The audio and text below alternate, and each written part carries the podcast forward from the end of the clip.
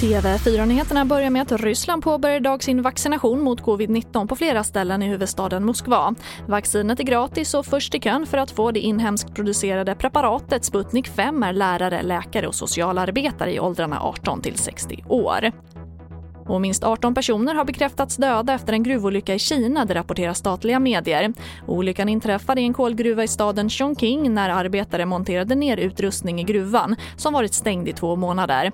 En person har kunnat räddas och räddningsarbetet fortsätter efter ytterligare fem personer. Och här hemma bröt sig under natten ett okänt antal gärningsmän in i en villa i Valbo i Gävleborgs län genom att lyfta ur ett fönster. Allt medan familjen låg och sov. Tjuvarna lyckades bland annat få med sig plånböcker och bilnycklar till två bilar som de också tog.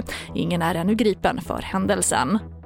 Och vi avslutar i Mora där två julgranar sågades ner under natten. Först en gran inne i centrum som enligt polisen sågades ner med en motorsåg av några ungdomar.